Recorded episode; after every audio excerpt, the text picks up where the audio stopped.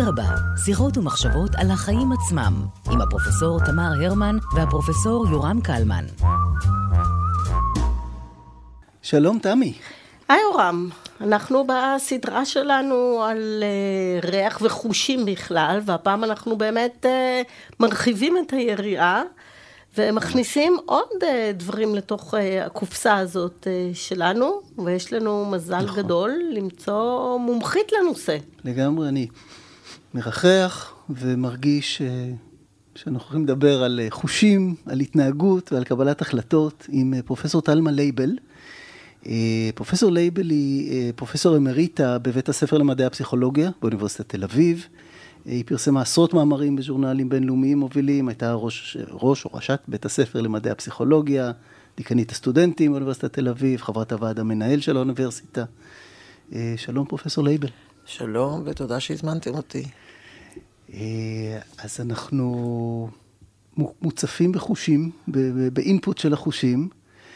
וזה משפיע על ההתנהגות שלנו, ואני מבין שזה הנושא שאת uh, מתמקדת בו. Uh, אפשר להתחיל מהחושים הבסיסיים, מחוש הריח שאנחנו עוסקים בו הפעם, או מחושים אחרים. מה, מה קורה שם בין, ה, בין האינפוט הזה לבין מה שמתרחש במוח שלנו? ברשותכם, אני אדבר באופן כללי קודם על חושים, ואז אולי נתמקד בכמה ספציפיים. מה שקורה זה ש...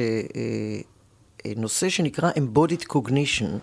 אה, זה תחום בפסיכולוגיה שהתחילו יותר ויותר לראות שהחוויות החופשיות שלנו, כמו הטמפרטורה של הדברים שאנחנו נוגעים בהם, המרקם של הדברים, הריח שלהם, הקולות, המרחק, כל מיני דברים ש... אה, כאילו לא קשורים להחלטות שלנו ולשיפוטים שלנו, משפיעים מאוד הן על ההחלטות, הן על השיפוטים והן על ההתנהגות שלנו, מבלי שאנו מודעים לכך. או, זאת, זאת הייתה השאלה כן. שממש עמדה לי על קצה הלשון. זאת אומרת, אנחנו, אה, יש לנו תשומות שאנחנו לא בהכרח מודעים לכך שהן אה, משפיעות עלינו בכלל, נכון? בהחלט, זה לא כן. כמו שאני מכוונת מבטי לדבר מסוים, ואני יוצרת איתו קשר, היינו... זה יכול לחלוף ואני בכלל לא מודעת שזה השפיע עליי כך או אחרת, נכון? ממש ככה, כן. אני יכולה לתת דוגמה של אני, אחד הניסויים הראשונים שהתחילו את ה... את הבום הזה על embodied cognition, ויכול להיות, ש, להיות שהמאזינים אה, אפילו מכירים אותו, כי הוא כל כך קיבל פרסום אה, גדול במדיה הרגילה. זה הניסוי אה, על כוס הקפה. אנשים הוזמנו, זה נערך בייל ופורסם בסיינס, כלומר, מקום מאוד מכובד, ו...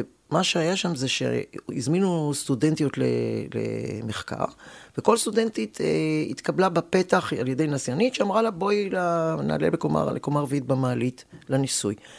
הנסיינית החזיקה בידיה הרבה דברים, אה, אה, ספרים ו- ו- וניירות, וגם כוס קפה. ובזמן שהם היו במעלית, היא לרגע אחד אמרה לכל סטודנט, מישהו שהיה במעלית, תחזיקי לי רגע את הכוס קפה, איך קוראים לך ככה וככה? תמר הרמן, ותני חזרה את הקפה. הם אפילו לא שמו לב לזה. מה שהם לא ידעו, זה שהניסוי התחיל כבר במעלית, מכיוון שחצי מהם קיבלו להחזיק לכלום כמעט זמן, כוס קפה חמה, וחצי שני כוס קפה קרה, אייס קפה. ואז הם נכנסו לניסוי, ובניסוי נתנו להם אה, תיאור של פרסון A, איזשהו בן אדם שהוא אינטליגנטי, הוא יצרני, כל מיני תכונות כאלה. ואז אמרו, דרגי את אותו הבן אדם על עשר תכונות, כאשר חצי מהן לא כתבו את זה, אבל זה מה ש... קשורות לחום אנושי, כמו סימפטי, נחמד, נעים וכולו. הממצא המדהים היה שאלה שהחזיקו כוס קפה חמה במעלית, חשבו שהבן אדם הזה, הפרסון A, הוא יותר נחמד, יותר נעים, יותר חם אה, מבחינה אישיותית. כששאלו אותם, וזה בקשר למה שאת שואלת, למה חשבתם ככה? אף אחד לא חשב שזה בגלל שהוא או היא החזיקו אה, קפה חם במעלית או קפה קר. זה, זה עורר את, ה, את העניין שעצם זה שנגעתי במשהו חם, הפעיל אצלי את, ה, את ה, אה, אה, החוויה האבסטרקטית הזאת של מה זה אישיות חמה, כי זה לא משהו קונקרטי. אה, אז זה, זאת, זה ככה, זה אחד הראשונים שהתחילו, אחר כך עשו עוד כל מיני דברים על חום, שהראו שכשנודים במשהו חם אתה יותר בוטח בבן אדם השני וכולו. עברו לעוד כל מיני דברים, אבל אם אנחנו כבר מדברים על טמפרטורה, אני רוצה להגיד משהו. טמפרטורה זה לא רק שאני נוגעת במשהו, אה, אלא זה גם אה, הטמפרטורה בחדר, נגיד איך אנחנו עכשיו, ויש הרבה מחקרים שזה אנשים נגיד יותר מתחברים, כי אף אחד לא חושב, אם לא יספרו לו את המחקרים האלה, שבגלל שאני נוגעת בכוס קפה חמה, אני אחשוב שאת יותר נחמדה. אה, או שאת תחשבי שאני. אבל טמפרטורה בחדר יודעים שאם זה חם לי אז קשה לי יותר להתרכז, ואם קריר לי וכו'. ועל זה אפשר לדבר כמה בדיוק האופטימום, אני לא רוצה על זה. אני רוצה להגיד שהטמפרטורה בחדר גם משפיעה למשל אם אנחנו נהיה יותר קונפורמים או לא.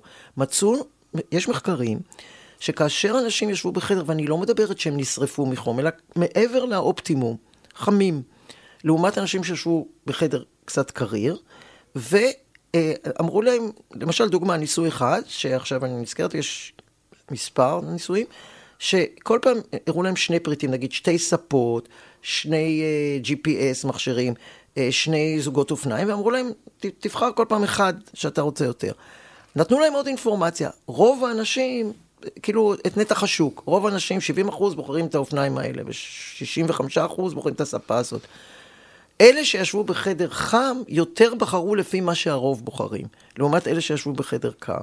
זה אפילו יותר מזה היה, עשו איזה ניסוי שאני לא אכנס לפרטים שלו, בבורסה, איך, איזה מניות למכור ולקנות, ואמרו להם אינפורמציה מה אנשים שהיו בניסוי הקודם חשבו, ושוב, אלה שישבו בחדר חם, יותר אה, היו... אה, ומה ההסבר לזה בעצם? יש לנו, זאת אומרת, אנחנו יודעים שיש קשר, אבל אנחנו יודעים אם יש סיבתיות? אז אני עוד רגע אגיד אולי על הסיבתיות אה, בכלל של ה-embodied cognition, אני רק רוצה להגיד עוד דבר אחד, שעוד דבר שמצאו בכרום, שזה קשור לצרכנים, שכשהראו לסטודנטים אה, מוצרים בסיסיים שהם קונים, סבון, איזה סוג של קפה, והראו להם תמונות של זה, ושוב, קבוצה אחת ישבה בחדר 26 מעלות, קצת חם מדי, קצת קר מדי. אלה שישבו בחם, רצו יותר, אה, אה, אמרו שהם יוציאו יותר כסף על המוצר הזה, כלומר, זה קשור לצרכנים. עכשיו, לפני שאני אגיד למה אני חושבת, למשל, בנגיעה של החום, אני אולי אגיד עוד דוגמה, ברשותכם, אה, על, על, שזה לא רק טמפרטורה, עכשיו למשל על, על מרקם. וכאן אני אכנס לדבר שלא אמרתי קודם, וזה המטאפורות. זה יחבר לסיבות. מטאפורות, מה זה מטאפורות? אני אומרת, אדם חם. זה מטאפורה כמובן, בטוחה שהמאזינים יודעים, שזה, אה, משתמשים במשהו קונקרטי, חום פיזי, כדי לתאר משהו אבסטרקטי, אישיות. אדם זה אותו דבר במרקם, היה לי יום קשה, אה, הכל על החלק. אה, באנגלית אומרים I had a rough day, שזה מחוספס mm-hmm. וכולי, והמחקרים נעשו בארצות הברית, אז יש שם אז רצו לראות האם באמת, שאני נוגעת, כמו עכשיו בשולחן הזה שלא רואים, שהוא יחסית חלק, אם אני נוגעת בדבר כזה, או אני נוגעת במשהו רך, או מחוספס או חלק, זה ישפיע על, למשל, השיפוט שלי, על השיפוט שלי של אינטראקציה. אז לקחו אנשים ונתנו להם לנגוע במשהו קשה, אני לא מתארת עכשיו בפרטים איך עשו את זה, עשו את זה דווקא בצורה מאוד מתוחכמת, או במשהו מאוד רך, שמיכה.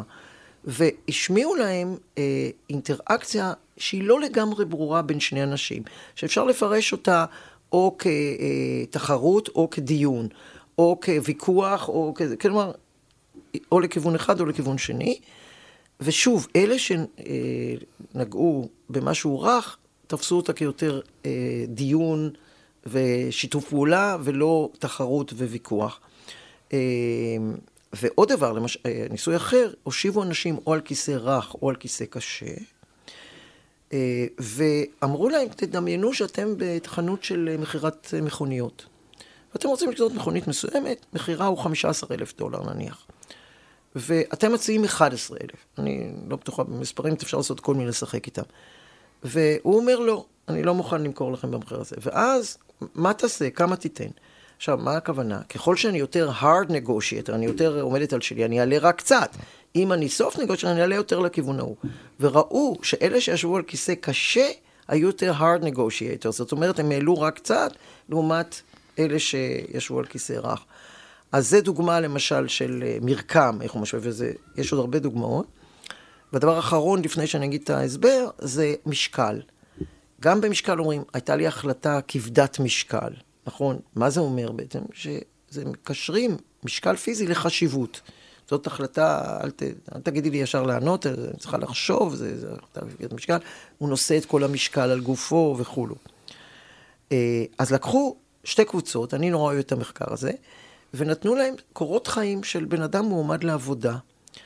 אותן קורות חיים לשתי הקבוצות, הם החזיקו את, ה, את הלוח שעליהם, עליו זה כתוב באוויר, כלומר הם הרגישו את המשקל של מה שהיה כתוב, קבוצה אחת קיבלה על לוח כבד יותר, ואחת על קל יותר. את אותן קורות חיים, אני חוזרת. אלה שהחזיקו את זה על, על לוח כבד יותר, חשבו שהמועמד יותר מתאים לעבודה. מדהים. אז אה, עכשיו, למה זה כל הדברים האלה? אז ההסבר, שאני אעשה אותו בצורה מאוד שטחית, אומר שכאשר אנחנו ילדים, אנחנו חווים בתור תינוקות ואחר כך ילדים, אה, חום בזה שאמא או אבא מחבקים אותנו, אה, אה, גובה שעוד לא דיברתי עליו ותכף אני אגיד אולי כמה מילים. כל מי שיותר גבוה ממנו יותר, הוא יותר חזק. זה יכול להיות גם האח שלי היותר גדול, וכמובן ההורים והמורה והגננת וכל...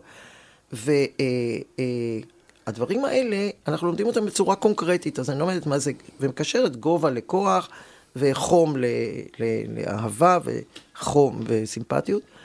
ואז כשלומדים אה, אה, דברים אה, אבסטרקטיים, הם קוראים לזה The Scaffolding Theory, זה הפיגומים. כאילו אה, אה, יש בסיס של אה, אה, מושגים קונקרטיים, ועליהם נבנים המושגים האבסטרקטיים, ואז כאשר אני נגיד נוגעת בכוס קפה חמה, זה מפעיל, it activate, זה מפעיל את, ה, את המושג האבסטרקטי של חום אנושי. זה בצורה מאוד שטחית, אה, מראה את הקשר בין אה, המושגים הקונקרטיים למושגים ולכן זה גם מראה שמטאפורות הן לא מקריות, זה לא במקרה, זה לא רק לייפות את השפה, המטאפורות, אלא זה גם, יש, יש סיבה למה בהרבה שפות זה ככה, שאומרים היה לי יום קשה. אה, הוא מחוספס. וזה אוניברסלי אגב? זאת אומרת, יש דברים ש... שאלה טובה. זה, אני, במערב זה... המערך האסוציאטיבי הרי כן. יכול להיות בסין, יכול להיות אז, בהחלט שונה מאשר באפריקה. בהחלט. אז אה, זה נכון גם, למשל לגבי צבעים, ממש רואים את זה, שאם תרצו אני אגיד כמה מילים גם על צבעים. אז... אה, שזה נכון, כל מה שאני אומרת זה נכון למערב. גם המחקרים האלה שאני מצטטת נעשו בעיקר בארצות הברית. אה, וזה לא בהכרח אוניברסלי, אבל זה אוניברסלי לתרבות של, שלנו. כן. כן. אני חושב שמה שמרתק בזה, זה במושג הזה של, של, של קוגניציה, אה, לא אמבודיד. אמבודיד קוגנישן. קוגנישן. כן. זה שתמיד יש לנו תחושה... אפשר להגיד קוגניציה גופנית, נגיד, כן. תרגום בערך. כן, כן, תרגום כן. טוב. או חשיבה. זה, זה שאנחנו תמיד חושבים שהחשיבה היא מנותקת מהגוף, היא אובייקטיבית, היא אה, ניטרלית, היא אה, מעשה המוח שלנו. ואנחנו הרבה פעמים שוכחים ש, שאותה קוגניציה, אותה תודעה או חשיבה יושבת בתוך גוף שכל הזמן קולט דברים, ויש איזו נטייה, לפחות בתרבות המערבית, לנתק בין הגוף לבין אה, הראש, נניח בעבודה, אנחנו מגיעים ויש שם את הראש. אה, ואני חושב שזה מרהיב ומקסים לראות את מה שהרבה תורות גם מדברות עליו, ש, שבסופו של דבר אה, הגוף וה, וה, והנפש מחוברים כל כך טוב, והקוגניציה עצמה, החשיבה, לא מנותקת מה, מהגוף שלנו. אה, השאלה היא באמת, דיברת על, על חושים שונים, אנחנו יודעים גם שבשפה של אנשים, הם משתמשים, עם אנשים יותר ויזואליים, אז הם יגידו, כן, אני רואה, I see what you're talking about, או, או אם יותר אה, אנשים של הקשבה, הם יגידו, I hear you, אני... אני, כן. אני אה, האם זה גם כן משפיע על האופן בסופו של דבר שבו אנחנו חושבים, מסתכלים על העולם? שאלה טובה. אני רק רוצה לפני זה להגיד, עוד להגיב למה שאמרת קודם, לפני ששאלת את השאלה. הרבה פעמים שאנשים שומעים את כל ההרצאות האלה, ש, שאני, בית הספר שכתבתי, וזה, אז הם מצד אחד מתלהבים, מצד שני, זו הרגשה לא נוחה. כי נכון. אני רוצה לחשוב שאני החלטתי אם מישהו נחמד או לא, לא בגלל שהחזקתי כוס קפה חמה או קרה. כן? או שהחלטתי אם מישהו מתאים לעבודה, לא בגלל שהלוח היה יותר כן. כבד. אז בעצם זה בדיוק, זה ממשיך את מה שאתה אומר, שאנשים רוצים לחשוב שאני מחליטה החלטות רציונליות שלא קשורות. אבל האמת שאנחנו כל הזמן מושפעים, ואם נמשיך את הדיבור הזה, אז ברור שכשאני הולכת ברחוב, סליחה, אז יש לי המון המון חושים של ראייה, של שמיעה, של אם אני הולכת בתל אביב, אז בכלל המוזיקה והאורות, ואם זה בערב או אפילו לא, והשלטים והקולות והריחות והכול. אבל גם כשאנחנו יושבים אפילו פה באולפן, ששקט, עדיין, אז כאילו, אנחנו חושבים, רק עכשיו אני מדברת, אבל לא, אני יושבת על כיסא שהוא רך או קשה, צבע החולצה שלך שהוא סגול ושלך אה, יותר קרם כזה, זה, זה הכל המרחק בינינו, צבע השיער, הכל, זה הכל גירויים. שהם לא חייבים להיות רק בום בום בום כל הזמן. גם כשאני שוכבת נניח על אה, מיטה והסדין הוא רך ונעים, זה ישפיע על איך אני אתפוס מישהו אחר, וכל אחד שידמיין מה שהוא רוצה.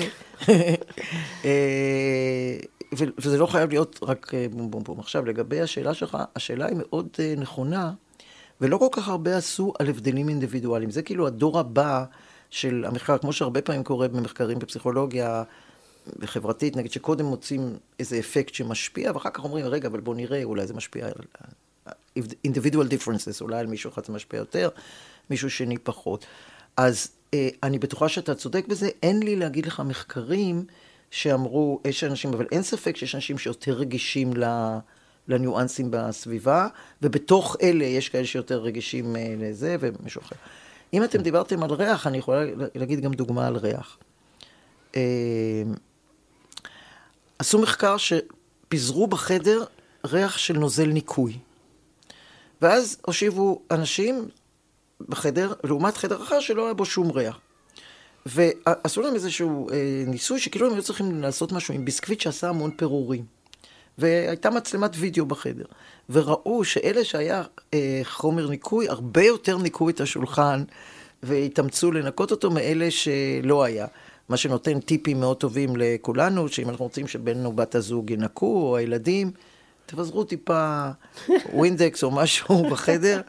ואנשים ינקו. אני שמתי לב שצוותי ניקוי במקומות עבודה דואגים שיהיה ריח חזק של ניקיון כשהם יוצאים, ואני חושב שהם זה הם רוצים גם אה, שאנחנו נרגיש את ה... כשאנחנו נכנסים. נכון, גם בדיוק, בעיקר כן. בבתי מלון רוצים שאתה תרגיש שאף אחד לא היה בחדר הזה קודם. אין ריח של אדם כן. ואין... אה, כן, עושים את זה גם, יש ריח מיוחד, אני לא יודעת אם אתם יודעים, במכוניות נכון הרי שנכנסים... נכון, ריח של מכונית חדשה. אז מסתבר שקראתי, זה לא התחום שלי וזה, אבל סתם קראתי, שיש להם חומר מיוחד שהם מפזרים על המכונית כדי להרגיש שהיא מכונית חדשה. היא באמת חדשה, אבל הריח...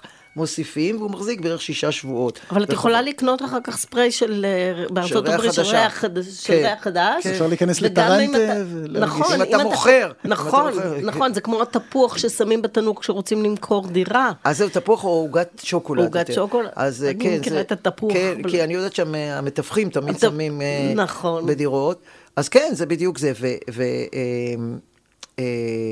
ושמים אה, כל מיני ריחות גם במקומות, אה, בחנויות, אז יש להם, וזה גם אחד, וגם אמרת קודם מיתוג חושי, אז למשל, חברות מסוימת גם רצו שיהיה ריח מסוים שמתחבר איתם. זה לא חייב להיות דווקא הריח הכי טוב, אבל כאילו בזיכרון שלנו, זה המיתוג, המוצר הזה, זה בא אליי עם הריח הזה.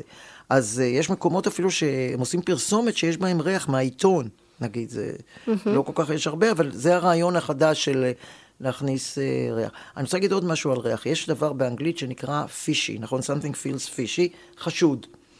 אז עשו ניסוי שלקחו, uh, יש, ישבו נסיין מול, מול נבדקת, או נבדק, ומוללו, uh, uh, הכדורים האלה שאנחנו לוקחים, הפיש אויל, כזה של ריח של פיש. שמן דגים. כן, שמן דגים כזה, שיהיה ריח של פיש, אבל לא מסריח שישימו דג, אלא טיפה. ובחדר אחר לא. וראו שהנבדקים התנהגו בצורה יותר חושדת, יותר חשדנית. זאת אומרת שזה באמת קשור לנושא של דג. כן, כן. לא. לדגיות. לא, אבל כאילו לא, אני, כי, כי אני מבינה. something feels fishy כן. זה כאילו במטאפורה, זה כאילו, זה מין דבר, זה, אבל זה למה אומרים פישי? כי אם אתה אוכל דג שהוא איננו טרי, סכנת ההרעלה כן, שלך הרבה כן. יותר גדולה מאשר דברים אחרים. כן, לא, אבל השאלה אם זה בעברית למשל, אין לך את המושג פישי הזה, לא בטוח לא, שזה לא יעבוד. אז זהו, אז את יודעת, זה נורא מעניין שאת אומרת.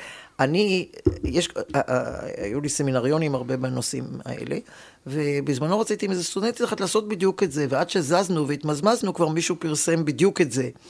ורצינו אז לעשות, ואמרתי לה, הרעיון היה לקחת אמריקאים, שזאת השפה שלהם, למצוא לעומת אה, ישראלים ולראות, ואני עדיין חושבת שאפשר עוד לעשות, להראות שזה נכון רק שזה השפה שלך, כי מי שלא מדבר, אפילו אם הוא יודע אנגלית, אבל זה לא בראש שלו. אסוציאטיבית, זה לא כן, לא יתחבר בדיוק. לו למשהו שיש כן. בו איזושהי בעיה. אבל שמה זה כן. היה ככה. ועוד דבר שאני, אה, קשור בריח שנזכרתי, שמו, אה, אה, אמרו לסטודנטים ללכת בקניון, והיו להם שתי משימות. משימה אחת זה לשאול אנשים שיפרטו להם כסף, משהו כזה, זאת אומרת, לבקש עזרה במשהו.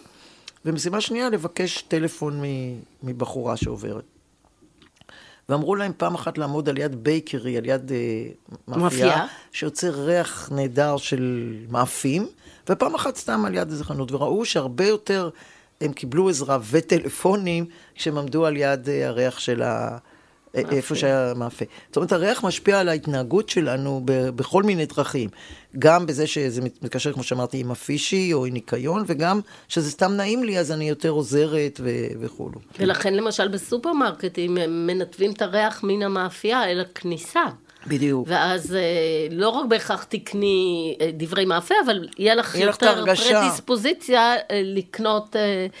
אה, דברים, שזה אגב, ברגע שאתה יודע את זה, ואז אתה מריח את זה בכניסה ואומר, לא, אני לא אקנה עכשיו אה, מה שהם רוצים שאני אקנה, אה, אבל זה לא עובד באיזשהו מקום. לא, אז זהו, אז תראי, מי ששומע, נניח את ההרצאות שלי, או קורא כן. את הספר כוס הקפה שגרמה להתאהב, או מה שעובד, שזה בדיוק מדברים על זה, אז אחד הדברים שיכול לקרות לו זה שהוא יהיו, יהיו יותר אה, מודעים לזה, ואם אנחנו מודעים, אז באמת יש סיכוי שיהיה פחות השפעה, זה, זה כן.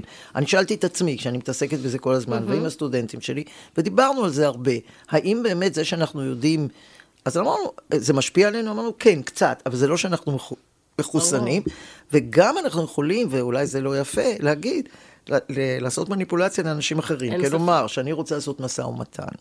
בין אם זה משא ומתן עסקי, לא אני, אבל זה, עושה, זה יכול להיות מסע אה, ומתן רציני, מרג'ינג בין שתי חברות, זה יכול להיות להשכיר דירה, או לשכור, להשכיר או לשכור, או לקנות מכונית. אז כולנו עושים באיזשהו שלב. או שזה אינטראקציה עם המשפחה שלנו, בין אם זה עם בן או בת הזוג, עם הילדים, עם הנכדים, שרוצים עכשיו שיחה מסוימת. אז מה אנחנו רוצים בעצם? אנחנו רוצים שהבן אדם השני אה, יחשוב שאנחנו נחמדים, שהוא יפתח בנו, נכון? אז אנחנו קודם, אז קודם... נושיב אותו על רך ונעלה את הטמפרטורה. בדיוק, נושיב אותו על, אה, על רך, אנחנו נשב על קשה, ניתן לו כוס קפה חמה או כוס תה, בטח לא משהו קר לו, בירה או משהו כזה. ו... ויש עוד כמה דברים שעוד לא דיברתי עליהם שאפשר לעשות, ויש יותר סיכוי שזה ישפיע. אז, אה, אז אפשר גם לעשות מניפולציות בדברים האלה, אם אני רוצה לעשות שיחה רצינית. אה, עם מישהו, בין אם זה משא ומתן על כסף ובין אם זה משהו אמוציונלי. אנחנו היינו צריכים לשלוח את זה עכשיו לבית הנשיא עם ההידברות, אולי משהו היה יוצא מזה. לא. אני, זהו, אז טוב, אני שמחה שאת אמרת את זה, כי, אה, אז אני אעיר את ההערה הבאה. אה, קודם כל, זה נכון לכל דבר, אבל כל הדברים שאני אומרת זה נכון כשהם לא קיצוניים. לא אה, נטגן אותם שם. בדיוק, אז לא... ויורם לא, בכלל לא, לא רוצה שהם בכלל הוא לא רוצה שהם יסכימו. אנחנו מקליטים את זה במאי 2023, כאשר מתנהל כן. השיג ושיח בין האופוזיציה לקואליציה. ומתי זה ישודר? אחרי שנדע כבר אם... בשבוע אה, הקרוב. תוך שבוע, שבוע וחצי. אז נראה. נראה. דווקא בדרך לפה שמעתי נימות פסימיות ברדיו שדיברו. אבל, אבל לא, אבל ברצינות, אם, אם למשל, מה שאמרתי קודם, נניח איך תפסו את האינטראקציה. כתחרותית או כשיתוף פעולה. ברור שאם אני אראה אחד צועק על השני, לא משנה מה אני אגע. נכון. אה, רך או קשה, או אם כן. מישהו ידבר אליי בצורה מגעילה, אז גם אם אני אחזיק קפה חם עד מחרתיים, אני לא אחשוב שהיא נחמדה. תשפכי את זה עליו. בדיוק, מקסימום. אבל רוב הסיטואציות בחיים הן לא כל כך קיצוניות, ואנחנו לא יודעים, אני פוגשת בן אדם פעם ראשונה, אם הוא לא אגרסיבי במיוחד כלפיי, או לא סופר סופר נחמד, אז ההחלטה שלי אם הוא נחמד או לא, מושפעת הרבה מהדברים שלא צריכים להיות מושפעים. גם למשל, אם אני יכולה, אם זה בסדר שנדבר על צבעים למשל. בהחלט. אז צבעים זה גם חלק מהחוש, זה החוש הוויזואלי. אה, אז גם, שוב, אנחנו יודעים שהביגוד של הבן אדם, כשהוא נכנס או היא נכנסת, משפיעים מאוד על, ה, על השיפוט שלנו. שוב, אולי אפילו יש דברים שבצדק, כי יש דברים נורמטיביים, אתה בא לראיון עבודה ומתלבש בבגד ים, אז, אה, אז זה, זה משהו... זה קיצון. אז זה קיצון, בדיוק. אבל אני מדברת לא על, ה, על הקיצון. אז קודם כל אני אגיד צבע, ואז אני אגיד אולי מילה על לבוש. אה, אה, הצבעים שהכי כאילו קיבלו תשומת לב זה אדום, ובמידה מסוימת לבן. עכשיו, אדום, כשאני שואלת בהרצאות שלי, מה מזכיר לכם האדום? אז אומרים כל מיני דברים, אבל הדברים שחוזרים שוב בתרבות המערבית, כפי שאת אמרת, אה, הם מצד אחד סכנה, stop, צבע אדום, שרק עד לפני יומיים השתמשנו בזה כל הזמן, אה, לצערנו, ו... אז סכנה ו stop. ומצד שני, גם sexual attraction, כל הנושא של משיכה מינית וגם אהבה. נגיד הכרטיסים ב Valentine Day, הם, הם אדומים שזה, שזה אהבה יותר ממשיכה. ו- וכמובן התפוח שחווה נתנה, ורחוב החלונות האדומים, שרק חזרתם משם לפני שבועיים. ואז, אז שני הדברים האלה. עכשיו, איך זה משפיע? אז את החלק של ה sexual attraction אני אגיד ברגע, כי אני חושבת שהוא יותר ברור. השני, פחות, אה, פחות היו חושבים. החלק של ה sexual attraction הראו אה, לקבוצ... שלוש קבוצות של גברים, כל פעם, אה, לכל קבוצה תמונה של בחורה, מהטורס, רק החלק העליון, בשחור לבן, כאשר היה הבדל אחד. קבוצה אחת ראתה את זה על רקע אדום, קבוצה אחת על רקע ירוק, וקבוצה אחת על משהו אכרומטי, ש... כי עשו הרבה ניסויים, אז פעם זה היה אפור, פעם זה היה שחור, פעם לבן. אותה בחורה, כולם מראש. עכשיו, ראו את זה הרבה פעמים. זה לא כאילו פעם אחת רק הראו בחורה, אבל תמיד אותה בחורה באותו ניסוי. ושאלו עד כמה היא מושכת, עד כמה היא חתיכה, עד כמה היא, היית רוצה לקיים איתה יחסים וכולו. ושוב ושוב יצא שלמרות שכולם ראו את אותה בחורה, ברגע שהיא הייתה על רקע אדום, חשבו שהיא יותר יפה, יותר חתיכה, יותר מושכת, יותר רצו לקיים איתה יחסים, ובניסוי אחד אפילו אמרו, אם תקבל 100 דולר, כמה תוציא עליה בדייט, ורצו להוציא עליה יותר. אבל, אז זה, טוב יופי, אוהבים לשמוע את הניסוי הזה, ויש בזה גם אה, מסקנות, אבל אני אגיד לכם דבר שיותר מפליא. אה, נתנו לאנשים תפקידים קוגניטיביים, כל מיני, אני לא אפרט עכשיו מחוסר זמן, אבל כל מיני ש, שזה גם מהירות, כמו שיש במבחן פסיכומטרי או מבחנים להיכנס לעבודה, שצריך מהירות. והראו להם, ההבדל בין שלוש הקבוצות, שוב, היו שלוש קבוצות, בקבוצה אחת המספר של הנבדק היה אה, באדום. קבוצה אחרת היה בצבעים אחרים. אלה שהמספר שלהם היה באדום ביצעו פחות טוב. למה פחות טוב? כי ברגע שאני מקשרת את זה עם סטופ וסכנה, ואולי גם עם מה שהמורה עשתה לי אה, במחברת, אני עוצרת אפילו לחלקיקי שנייה. יש מה שנקרא avoidance behavior. ואפילו חלקיקי שנייה בדבר שצריך מהר לעשות, אז אני מבצעת פחות טוב. אני יוצא עם שתי מחשבות. אה, אחת היא על מה שנקרא פונקציונליות, בעיקר נניח מקומות כמו מקומות העבודה, שמנסים להיות מאוד פונקציונליים, והכל צריך להיות יעיל, ו... ושוב מתעלמים מזה שמה שיושב שם זה, זה בשר ודם ש... שמושפע מהמון דברים, ודווקא הריח פה הוא באמת אה, חזק, כי זה משהו שאנחנו לכאורה, רוב האנשים לא, לא שמים אליו לב. אה, באופן שוטף, והפונקציונליות הזו הרבה פעמים היא למעשה מעקרת, היא ככה אה, מסלקת רכיבים מאוד חשובים ש, שאנחנו, שאנחנו רוצים שיהיו איתנו בעבודה, שאנחנו לא רוצים לנטרל אותם. ואני חושב שהקשר הזה באמת בין חושים, הקשר הלא מודע בין מה שהגוף שלנו אומר לבין מה שבסופו של דבר הראש מגיב, אה, הוא קשר, הוא קשר מרכזי. ועל אחת כמה וכמה בעולם שבו הכל נהיה דיגיטלי, ולדיגיטל יש בעצם רק visual כמעט. אין ריח, אין, אין, הרבה מהחושים נעלמים שם, מה, מה עוד הולך לאיבוד ב, ב, באינטראקציות אה, שלנו. שזה מחזיר, מביא אותנו למשל לכל הנושא של אפליקציות של dating. נכון? אז אם את תלבשי חולצה אדומה... בתמונה. בתמונה, כן. ייתכן מאוד שאת תשיגי יתרון על פני uh, תאומתך הזהה, שלבשה חולצה בז', כמו שאני לובשת עכשיו.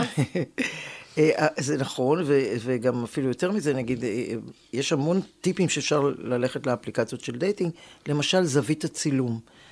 אם זה גבר, אז שאלה אם הוא רוצה להיתפס ככוח, כבעל כוח או לא, אז זה תלוי בזווית הצילום. המון דברים שכאילו חושבים שזה לא חשוב, אה, רק אה, אם אני נראית יפה או לא, אבל הצבעים, הזווית וכולו משפיעים בהחלט, אפילו שהבן אדם שיסתכל על זה לא יגיד שזה בגלל זה, זה העניין, שאנחנו לא מודעים. הוא לא יגיד, אני בחרתי אותה בגלל שהיא לבשה חולצה אדומה, או בגלל שהיה לה מאחור משהו אדום. אפילו לא צריכה אפילו לבוש חולצה אדומה, איזה משהו בצד אדום אה, בתמונה. פרופסור לייבל, תודה רבה. תודה לכם, תודה נהניתי, רבה. תודה לכם, נהניתי מכל רגע. גם תודה. אני, ואני מרגישה שלא למדתי מספיק, אז אנחנו נחפש את הספרים שלך. בכיף.